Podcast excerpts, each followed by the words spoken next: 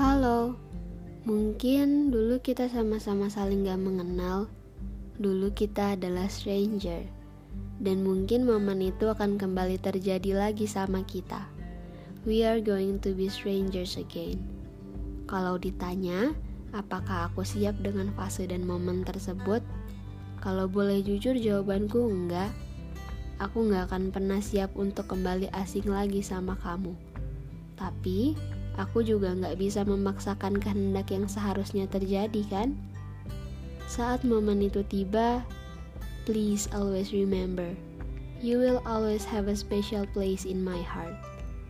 Mungkin nanti aku akan bertemu dengan banyak orang baru, karakter baru, sifat baru, kebiasaan baru, tapi kamu akan jadi tokoh yang selalu aku ingat.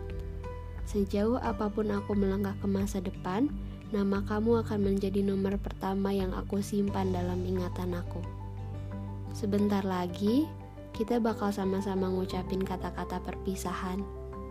Aku harap di masa depan kamu bertemu teman hidup yang bisa membuat hidup kamu jauh lebih bahagia daripada sekarang. Kenangan berharga yang kamu kasih ke dalam kehidupan aku akan selalu jadi cerita menarik yang mungkin akan aku ceritakan lagi saat aku sudah punya keluargaku sendiri. Sekalipun kita jadi lost contact, janji ya sama aku kamu akan hidup bahagia dan sehat. Terima kasih untuk semua kenangan manis yang pernah terjadi dalam kehidupan kita berdua.